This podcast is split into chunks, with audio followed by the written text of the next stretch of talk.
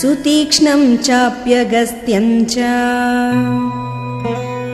अगस्त्य भ्रातरं तथा। अगस्त्यवचना चैव।